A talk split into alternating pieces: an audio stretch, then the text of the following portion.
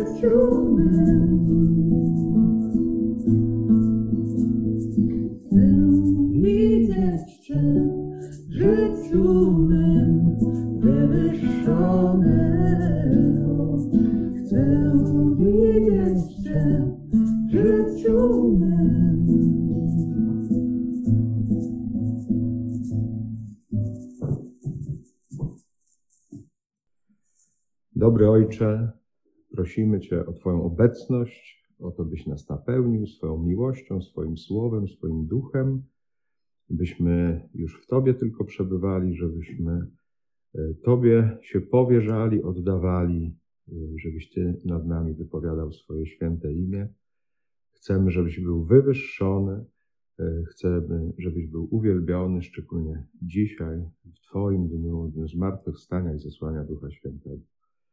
Niech Twoja łaska nas przenika, niech przepływa przez nas, e, niech uczy nas słuchać Twojego słowa, Twoich natchnień, żebyśmy potrafili Ciebie przyjmować takim, jakim jesteś i żebyśmy potrafili przez to też siebie przyjmować e, takimi, jakimi jesteśmy. Dzięki Twojej łasce. Przez Chrystusa, Pana naszego, Amen. Sługo Boży, księże Franciszku. Tobie jeszcze Amen. Wracając jeszcze e, na chwileczkę do wczoraj, tak e, przyzywaliśmy tych trzech słów: e, Szema, Shalom e, i Szekina.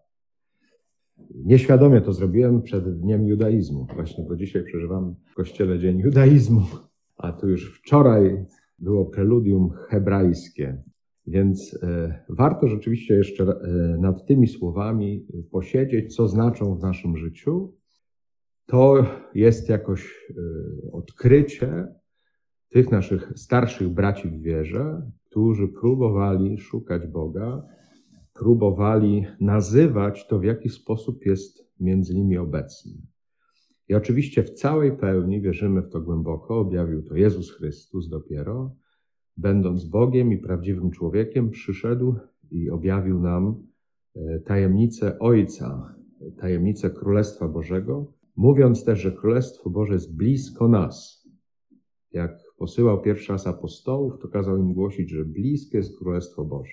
I to jest dla nas dobra nowina, bo czasami właśnie jednym z takich kłamstw, o którym też mówiłem wczoraj, że to wszystko jest daleko od nas, że my się do tego nie nadajemy i dlatego y, no właśnie lepiej sobie odpuścić, bo i tak nigdy tego nie pojmiemy, nigdy tego się nie nauczymy, więc szkoda czasu, szkoda zaczynać, jeżeli i tak do niczego nie dojdziemy. To jest kłamstwo, to jest pokusa. Znów to jest taki temat, który y, warto sobie uświadomić, ale potem właśnie odrzucić to kłamstwo od siebie, bo Pan Bóg inaczej y, o nas myśli i inny ma zamysł wobec każdego, każdej z nas. Więc y, to blisko jest Królestwo Boże, też myślę na to wpływa, że warto pozwolić Panu Bogu działać tak, jak On chce, o czym już mówiłem. Też wspominałem już pierwszego dnia o tym w pierwszej konferencji, że czasami namiot spotkania może trwać minutę nawet i dwie, że czasami myślimy sobie, no właśnie, że powinien przynajmniej 15 minut, a najlepiej pół godziny, a już w ogóle najlepiej godzinę. I oczywiście do takiego momentu też dochodzimy, ale na początku, zwłaszcza gdy tej relacji z Panem Bogiem nie mamy jeszcze takiej e, pogłębionej, E, wystarczy właśnie te dwie minuty i nie warto nawet z minuty e, rezygnować, ponieważ Pan Bóg potrafi się nawet w sekundzie objawić i doprowadzić nas do spotkania ze sobą. Więc za tym podążamy, tego pragniemy, tego chcemy. Świadomi też swoich ograniczeń. Ja pamiętam, że bardzo mocno do mnie dotarło i potem jeszcze jak innym ludziom o tym opowiadałem, taką historię o dwóch mnichach, bardzo im to pomogło w modlitwie, e, właśnie rozmontowywało takie kłamstwo, że ja od początku powinienem wszystko rozumieć, co czytam w Biblii, a jak nie rozumiem, to się w ogóle do niczego nie nadaje. Więc e, jest taka historia o dwóch mnichach. E, jeden rozmawia z drugim i pyta go, a co było w dzisiejszej Ewangelii powiedziane? To bardzo często rodzice tak pytają dzieci. Przynajmniej w moich czasach pytali tak rodzice dzieci, by sprawdzać, czy byli w kościele. A co tam było w dzisiejszej Ewangelii, albo co tam ksiądz mówił na kazaniu. I, I, wiele kłopotów moich kolegów miało z tym potem. Natomiast rzeczywiście też się e, dzieje czasami tak jak właśnie z tym mnichem. Jeden mnich pyta drugiego, co tam dzisiaj było w Ewangelii, a ten drugi mnich mówi, nie pamiętam. Jak? Tamten oburzony mówi, ty nie pamiętasz, jesteś mnichem i nie pamiętasz, co było w dzisiejszej Ewangelii?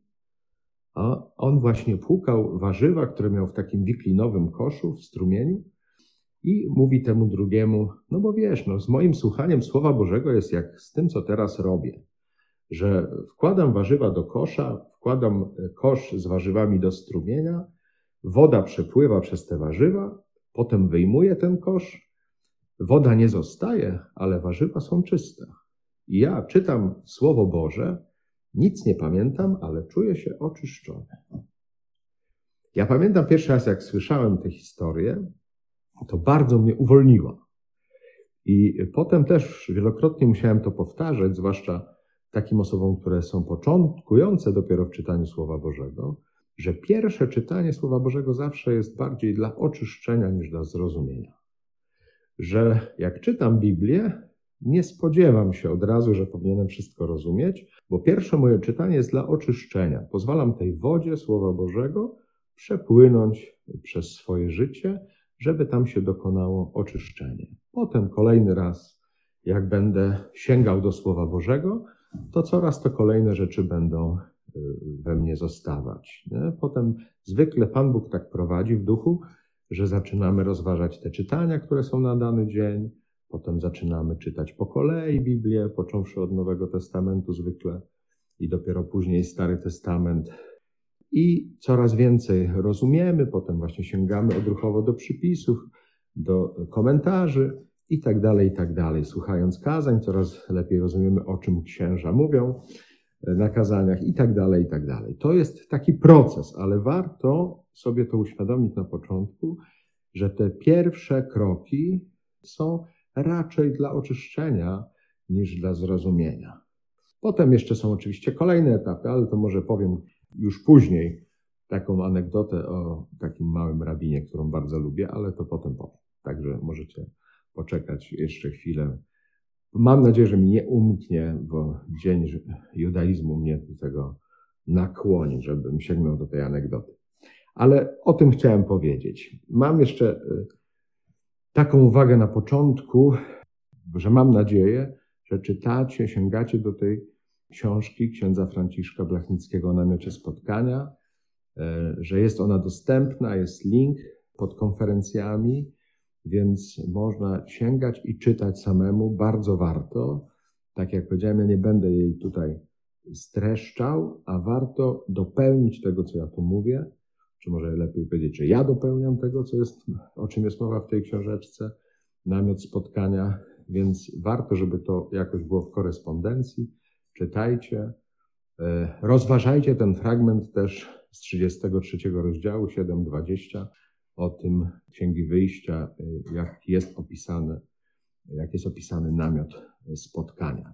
To jest taki tekst źródłowy, do którego warto co jakiś czas, codziennie nawet y, sięgać, żeby właśnie to słowo o namiocie spotkania też przeczytało, tak jak mówi ksiądz Wąs, nasze życie.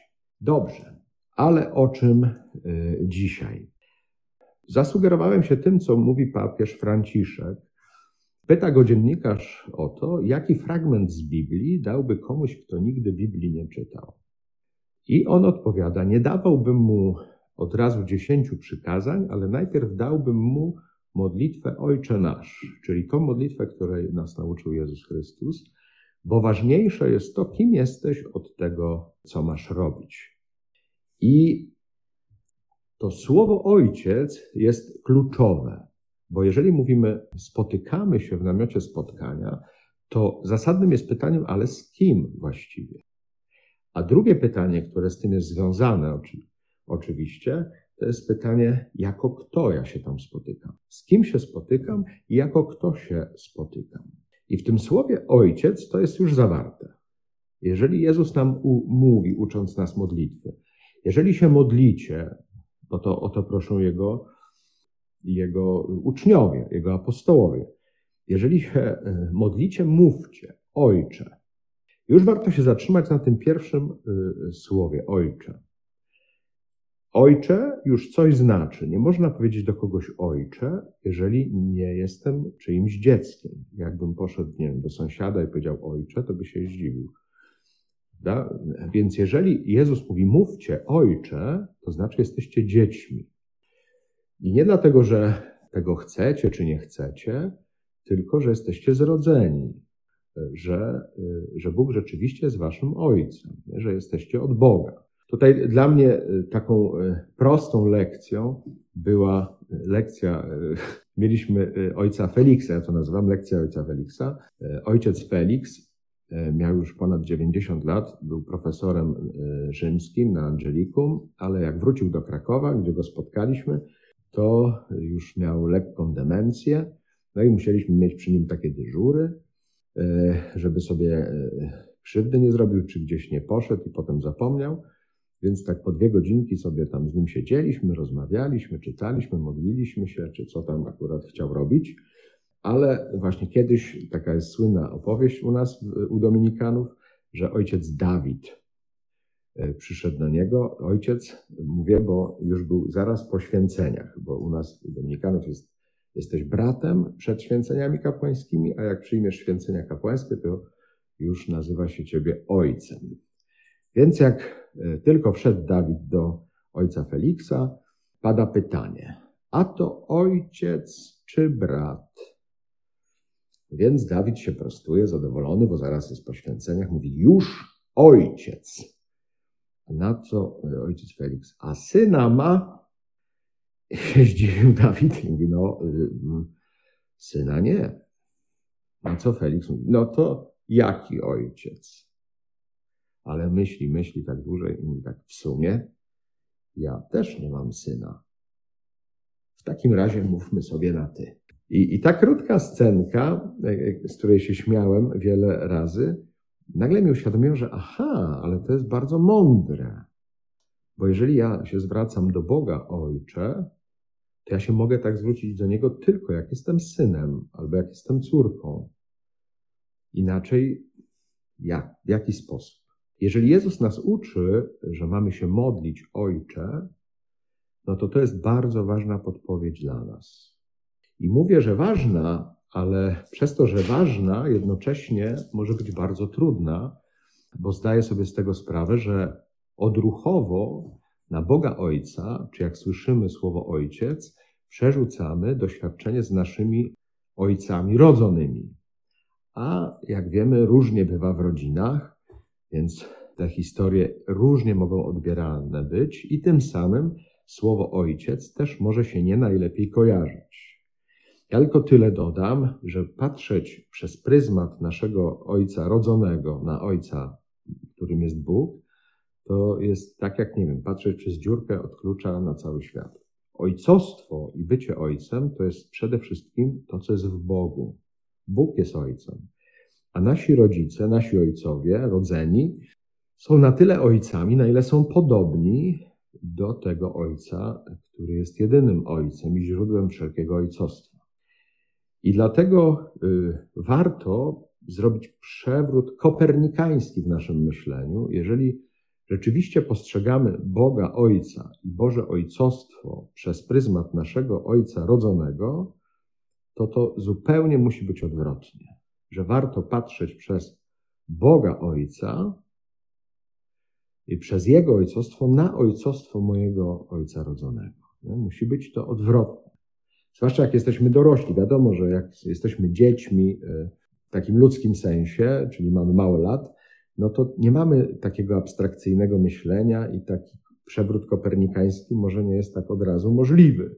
Bo bliższa, jak to mówi przysłowie, koszula ciału i jak ja patrzę na mojego tatę, no to tak samo widzę i ojcostwo. No i jak miałbym się od tego oderwać? Dopiero jak jestem dorosłym człowiekiem, mogę na tyle się, nie wiem, zdystansować czy zrobić dwa kroki do tyłu, żeby się temu na nowo przyjrzeć i zobaczyć, że to jest odwrotnie. Ale nawet jakbym miał taką możliwość abstrakcyjnego myślenia, to i tak to jest bardzo trudny proces i często musi trwać latami, żeby uzdrowić choćby swoje emocje z tym związane. Nie? Dlatego ja znam choćby taką jedną osobę, bardzo y, poukładany, super mężczyzna, w ogóle wzorowy ojciec dla swoich dzieci, ma bardzo dużą rodzinę i w ogóle super, a jednocześnie, mimo że już ma kilkadziesiąt dobrych lat, y, nie potrafi do Boga się zwrócić tym słowem ojcze. Dlatego, że bardzo mocno w nim jest takie doświadczenie, że jak miał trzy lata, ojciec opuszcza, opuszczał dom i jak wychodził z domu, to gdy wychodził, ten jeszcze zanim biegł, ten chłopiec trzyletni, to on go jeszcze kopnął przed wyjściem. I to jest tak mocne i traumatyczne doświadczenie dla tego człowieka, że on mając dzisiaj kilkadziesiąt lat i mając rodzinę, właśnie tak jak powiedziałem, bardzo piękną, ułożoną, szczęśliwą, nie jest w stanie do dzisiaj wypowiedzieć do Boga tego słowa, tak się zwrócić do Niego. Ma z tym ogromny trud, Ewentualnie może to zrobić zupełnie pro forma, powierzchownie, ale to nie ma w tym tego serca, o które chodzi w tej modlitwie. Więc y, zdaję sobie z tego sprawę, że to jest bardzo, bardzo trudne w niektórych wypadkach po różnych doświadczeniach naszego życia. A jednocześnie nie możemy sobie tego darować i odpuścić, dlatego że to jest źródło naszego błogosławieństwa i łaski. Jeżeli się spotykamy z kochającym Ojcem, e, mógłbym o tym jeszcze długo, długo mówić. Chcę poświęcić temu tylko tę konferencję, ale mogę mówić o tym, nie wiem, tydzień, o samym ojcostwie. Jeżeli chcecie więcej na ten temat posłuchać, to choćby tydzień temu mówiłem takie rekolekcje Ojcu nigdy dość w domu rekolekcyjnym na taborze w Rzeszowie. One są tam nagrane, więc jak ktoś chce ten temat sobie rozszerzyć, to bardzo serdecznie zapraszam na tabor, do internetu, żeby sobie odsłuchać te konferencje o ojcostwie w różnych aspektach. Tu potraktuję to tylko skrótowo, bo inny jest temat tych naszych tutaj rekolekcji o namiocie spotkania, ale nie można ominąć tego tematu, bo on jest kluczowy. Jeżeli Jezus tak nas uczy modlitwy, jeżeli tak odpowiada na prośbę i pytanie swoich uczniów, apostołów, to nie można pominąć tego tematu, czyli do kogo się zwracam, z kim się spotykam w namiocie spotkania i kim, czy jako kto się spotykam, czy zwracam e, do Boga w mojej modlitwie. To w ogóle e, rodzi pytanie, może szersze, ale takie, które chciałbym, żeby dzisiaj e, chodziło cały czas w, naszym, w naszej głowie, w naszych sercach. Czym właściwie jest modlitwa? Dla mnie, czym właściwie jest modlitwa osobista? Co to właściwie jest? Jak ja to pojmuję? Jak myślę, modlitwa osobista. I bardzo bym zachęcał do tego, żeby nie było zbyt szybkich odpowiedzi, tylko żeby się temu przyjrzeć, żeby poświęcić temu czas, y, bo to jest absolutnie kluczowe. Dlatego też, że, że nasza religia, jeżeli tak mogę powiedzieć, chrześcijaństwo, to nie jest religia księgi, czy idei, czy wartości, tylko to jest religia relacji. Bo jeżeli widzimy, że sam Bóg nasz nazywa się Ojcem, Synem i Duchem Świętym, który jest miłością między Ojcem i Synem, to niepodobna wyobrazić sobie chrześcijaństwa jako czegoś innego niż relacja że właśnie z samych, z tych słów ojciec, syn, już wynika, że są w relacji. Bo nie można, tak jak wcześniej powiedziałem, powiedzieć o kimś ojciec, jak nie jesteś e, jego dzieckiem. Nie można powiedzieć do kogoś dziecko, jeżeli nie jesteś rodzicem. I sam Bóg tak siebie nazywa, prawda, żeby nam to odsłonić. I Jezus, kiedy pozwala nam na taką modlitwę, żeby się zwracać tak do Boga, no to właśnie podnosi nas do takiej godności.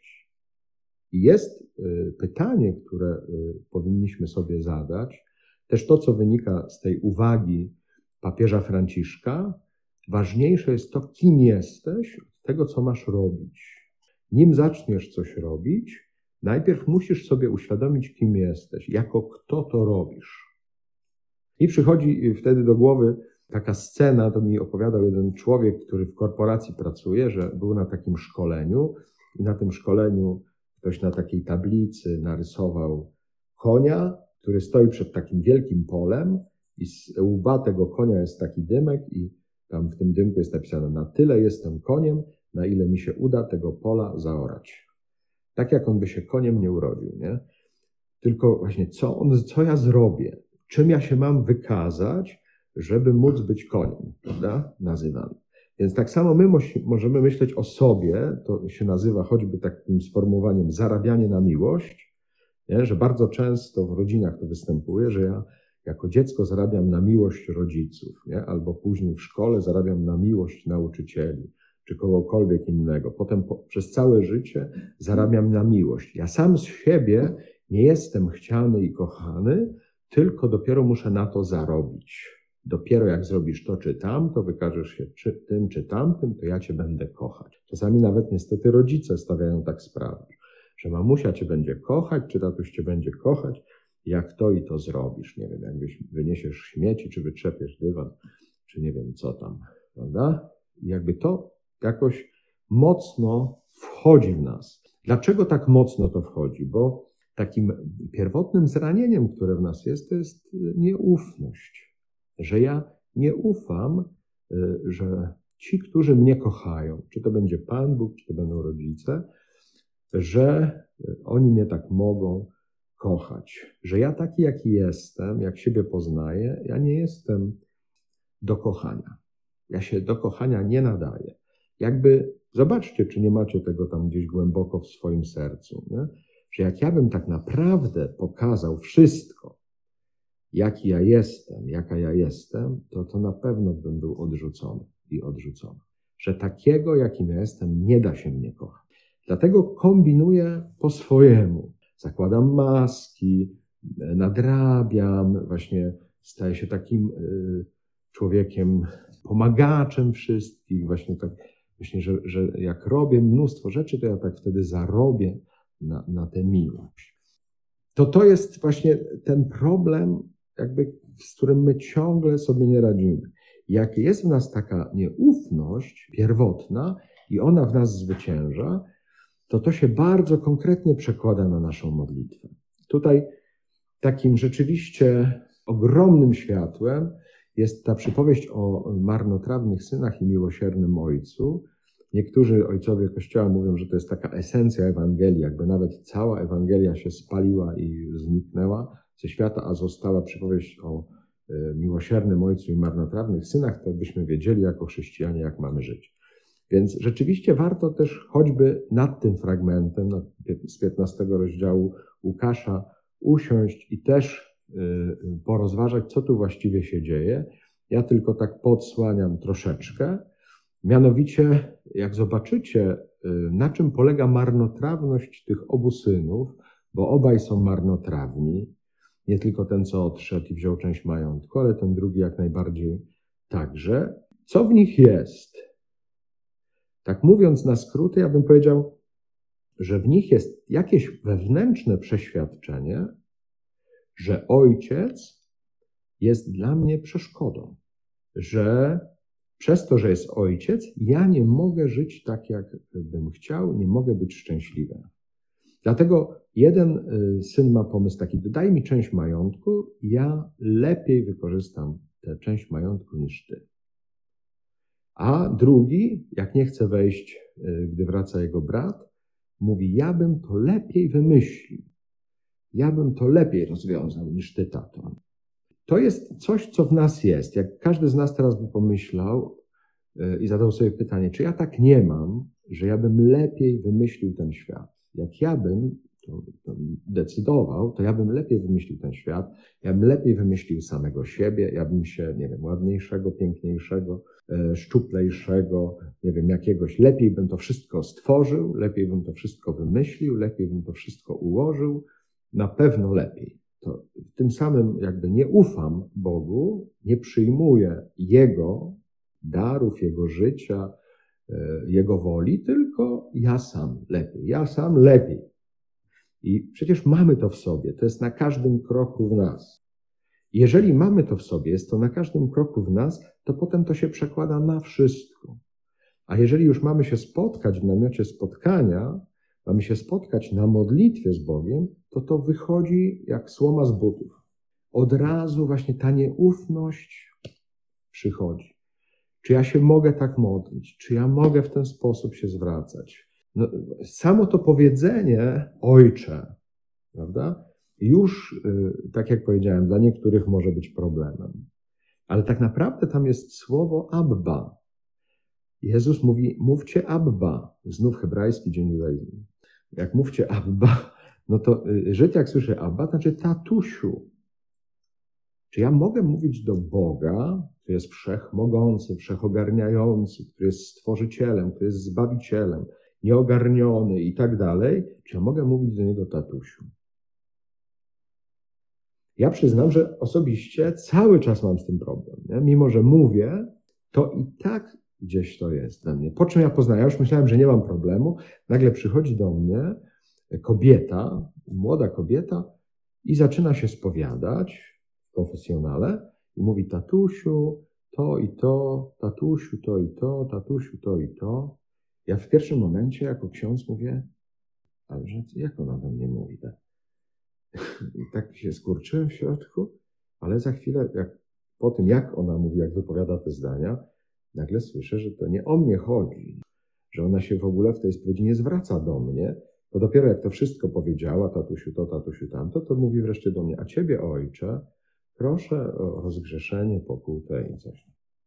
Ja wtedy musiałem jakby przeformatować się zupełnie i mówię, aha, aha. Ja mówię, nigdy nie spotkałem nikogo z taką ufnością zwracającego się do Boga. Ja widzę, że ona ma relację tak intymną i piękną z Bogiem, że ja się czuję zakłopotany jako spowiednik w tym. I teraz jest, czy ja tak mogę? Czy ja mogę tak ufać? Czy ja mogę takie mieć sprawy? To nawet nie chodzi do końca o słowa, chociaż też chodzi o słowa, bo jak mówię tatusiu, to no, słowa znaczą coś. Ale ja też mogę mówić ojcze, ale w sercu mieć dokładnie takie nastawienie, jakbym mówił tatusiu. Tu nie ma co się spierać e, o słowa, chociaż tak jak mówię, słowa są ważne, ale czy ja rzeczywiście mam takie nastawienie serca w tym spotkaniu, że się spotykam jako ukochane dziecko, bo czuję się chciany, kochany, zaopiekowany przez Boga i zwracam się do mojego tatusia, który jest moim najlepszym ojcem, opiekunem. E, on mi błogosławi, on mnie kocha, jest po mojej stronie, lubi ze mną być, lubi ze mną robić różne rzeczy, nie wyobraża sobie w ogóle życia beze mnie. Co więcej, oddał swoje życie za mnie. Prawda? Jestem dla niego cenny, jak jego najukochańszy syn Jezus Chrystus, który za mnie oddał życie, więc jestem dla niego najcenniejszy na świecie. On mnie tak kocha, że dał swojego najukochańszego syna za mnie. Ja pamiętam, jak kiedyś sobie to uświadomiłem, to mi od razu popłynęły łzy z oczu. To jest jakby nie do pojęcia. Tym samym można powiedzieć, że jest nie do przyjęcia, ale właśnie Jezus mówi: przyjmij to, że taki jest dar Boży. To nie jest dlatego, że ty na to zasługujesz, tylko że taka jest wola Boża, żebyś to przyjął. Też mamy jakieś takie intymne. Tutaj właśnie widzę, że ktoś pisze, że zwraca się do Pana Boga ojczulku, nie? czy ktoś mówi ojczyku. Każdy ma takie swoje, nie? ale ja tak mogę mówić, jak ja mam więź, jak ja mam relacje, jak my się znamy, jak my spędzamy z sobą czas, mamy ze sobą swoje sprawy. Na tym właściwie polega to, o czym mówimy w namiocie spotkania. Nie? I oczywiście mam nadzieję, że to rozumiecie, że nie chcę tego ani spłycić, ani zrobić z tego czegoś infantylnego, prawda? Ale jednocześnie nie chcę, żeby modlitwa nasza osobista była jakimś takim nieogarnionym monumentem, jakimś takim zamkiem nie do zdobycia. Prawda? Jeszcze sobie wyobrażę twierdzę wewnętrzną y, świętej Teresy Zawila, która tak naprawdę y, jest bardzo pięknym obrazem, ale jak ja sobie nałożę jakieś moje kategorie zamkowe na to, jakieś kraty i mury, no to rzeczywiście to stanę przy fosie i zrezygnuję. Zupełnie nie w tym jest rzecz. Jezus mówi bardzo konkretnie o tym, że to jest dla mnie, że to jest dla ciebie, że do takiej relacji jesteśmy zaproszeni. On, stając się maleńkim dzieckiem, pokazuje, że tak to powinno być, że robisz krok po kroku i dajesz siebie poznać i dajesz sobie szansę, by poznać swojego ojca. I nie dzieje się to tak pstryk już, tylko rzeczywiście to są kolejne fazy i kroki poznawania siebie nawzajem. Chociaż Bóg oczywiście zna mnie doskonale, to jednocześnie bardzo się cieszy, jak ja do Niego wracam, jak ja do Niego przychodzę. On zawsze na mnie czeka, jak ten miłosierny ojciec, który wybiega naprzeciw mnie, rzuca mi się na szyję, daje mnie, całuje mnie, przytula, wyprawia ucztę, właśnie z utuczonego cielęcia, to znaczy, że czekał tylko na mój powrót i już tuczył cielątko, żeby było jak mnie przyjąć. Także on już wcześniej, to nie jest impuls chwili, tylko jakby cały czas nastawienie naszego kochanego, dobrego Ojca, żeby mnie przyjąć jak najpiękniej, że na mnie czeka, że nie wyobraża sobie życia bez mnie. Można by długo, długo y, i na różne sposoby o tym mówić, natomiast to jest kluczowe. Jak my jakoś nie zatrzymamy się w tym miejscu, nie będziemy umieli przyjąć tej tajemnicy, albo przynajmniej, jeżeli nie umiemy przyjąć, to nie otworzymy się na tę tajemnicę, to dalej trudno nam będzie pójść. Może potrzebujemy kogoś, kto nam to pokaże, jak to jest, bo my sami z siebie tego nie umiemy. Trochę dlatego Wam o tym mówię w tej konferencji, a trochę liczę też na to, że macie wokół siebie takich świadków, których możecie podpatrywać, jak na przykład się modlą. Bo my tak, owszem, y, możemy coś wyczytać, możemy coś wygłówkować, ale tak naprawdę i tak jak to mówi stara łacińska zasada, przykład pociąga, więc dopiero jak kogoś zobaczymy na żywo, jak on się modli, to o to chodzi, nie? że tutaj Na Kopiej Górce jest pamięć o tym, jak się modlił ksiądz Franciszek. Ja mam pamięci właśnie moich braci. Może opowiem wam króciutko o siostrze Rozarianie. Jak dzień judaizmu, to dzień judaizmu. Ona była żydowskiego pochodzenia. Nawróciła się w taki sposób w świętej Annie, tam jest klasztor dominikanek, e, że przejeżdżała konno obok tego klasztoru, weszła tylko na dziedziniec, tak przed kościół i usłyszała dwa zdania. Akurat był odpust świętej Anny i usłyszała w sercu dwa zdania. To wszystko jest prawda i drugie zdanie, tu jest twoje miejsce. I te dwa zdania już nie dawały jej później spokoju. Wróciła do Warszawy, skąd pochodziła, była córką rabina. Po kryjomu się ochrzciła i wstąpiła do tego klasztoru klauzurowego i miała taką relację z Panem Bogiem, e, z Panem Jezusem, e, jakiej zazdrościły jej inne siostry. Ona mówiła, to ja, na przykład o świętej Annie mówiła, tam jest taka piękna figura świętej Anny, mówiła, ona jest z mojego rodu.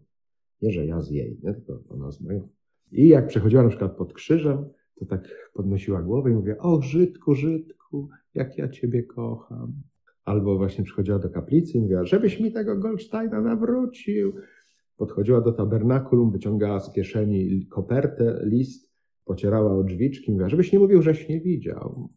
Ja tak bardzo bezpośredni miała kontakt. Nie? A jak kiedyś się przewróciłaś, miała ponad 80 lat, przewróciła się na schodach, tam złamała sobie nogę w biodrze, to darła się na cały ten klasztor. Ty Żydzie, jak cię matka wychowała, nic mnie nie pilnujesz. Potem całą noc tam, co ty sobie wyobrażasz? To ja po to wstępowałem do klasztoru, żeby po szpitalach jeździć. I następnego dnia to mi siostra Magdalena opowiada. Była jej sąsiadką, dzwon na modlitwy, wychodzi e, Magdalena, a obok się otwierają drzwi, wychodzi Rozariana, idzie na modlitwę, potem jest prześwietlenie. Było złamanie, ale już się zrosło. Przez tą noc Pan Bóg ją zdrowił, bo już nie był w stanie tego słuchać. No ale taka jest właśnie relacja, bardzo taka żywa, nie? Ta modlitwa siostry Rozariany była bardzo żywa. Ona w ogóle szczególnie zasłynęła z tego, że umiała wypraszać dzieci małżeństwom, które nie mogły mieć dzieci. To podobno tak wyglądało, że jak to małżeństwo młode przychodziło tam za tą kratę, bo to tam są siostry dominikanki klauzurowe, więc jest krata, więc siedzą tam tacy drżący, a ona podchodzi. Co ma być chłopak, dziewczynka? Jak ma mieć na imię? Da się załatwić.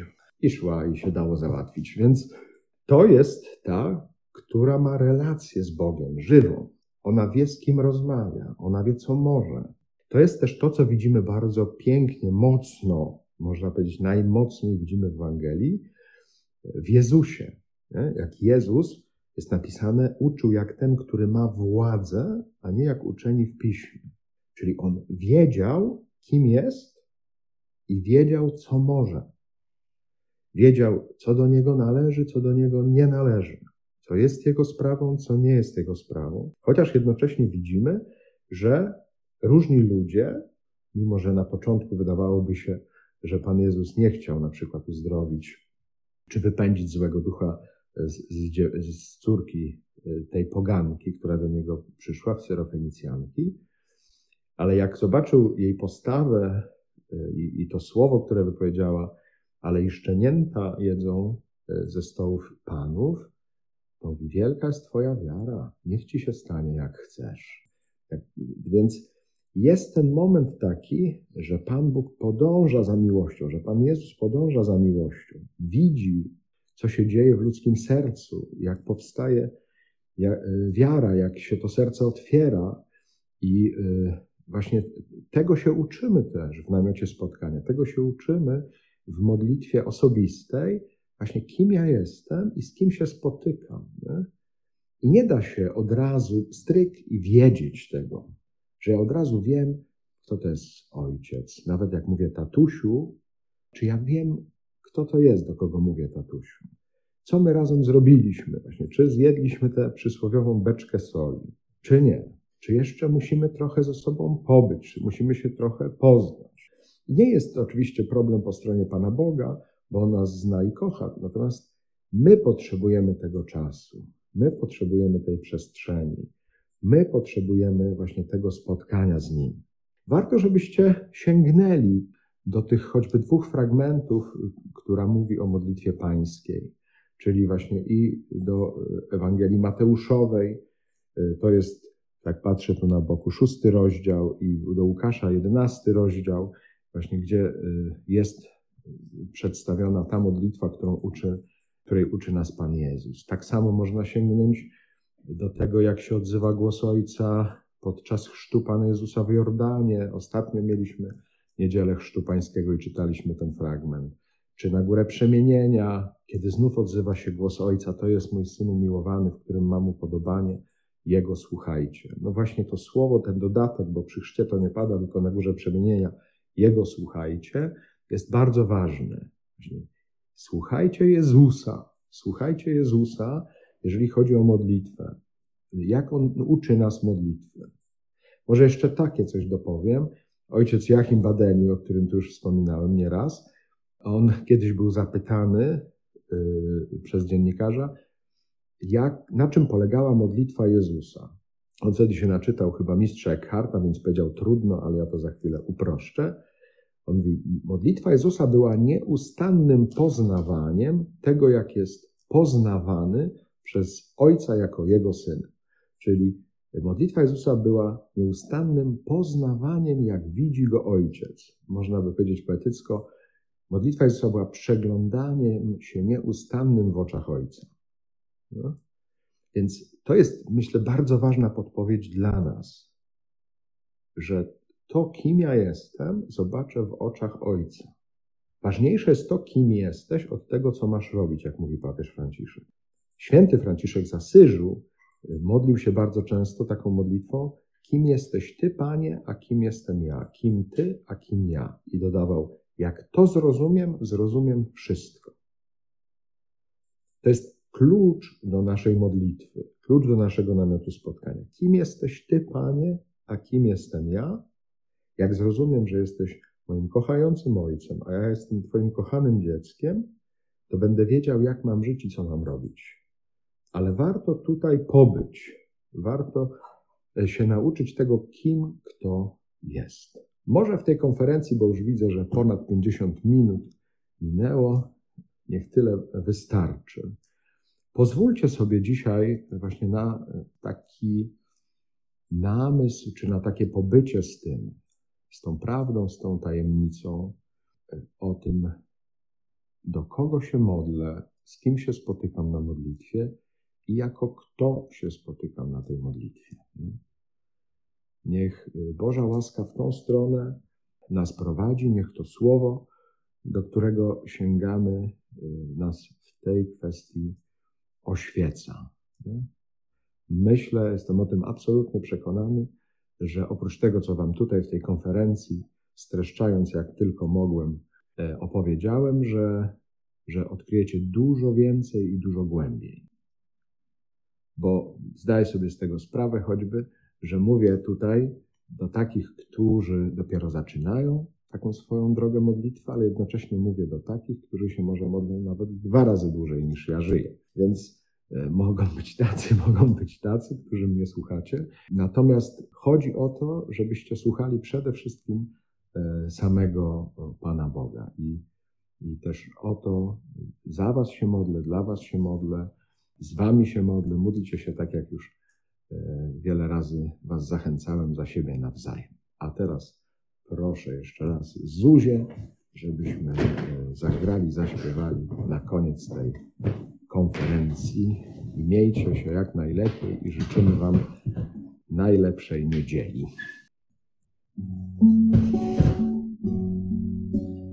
Jestem dzieckiem Boga,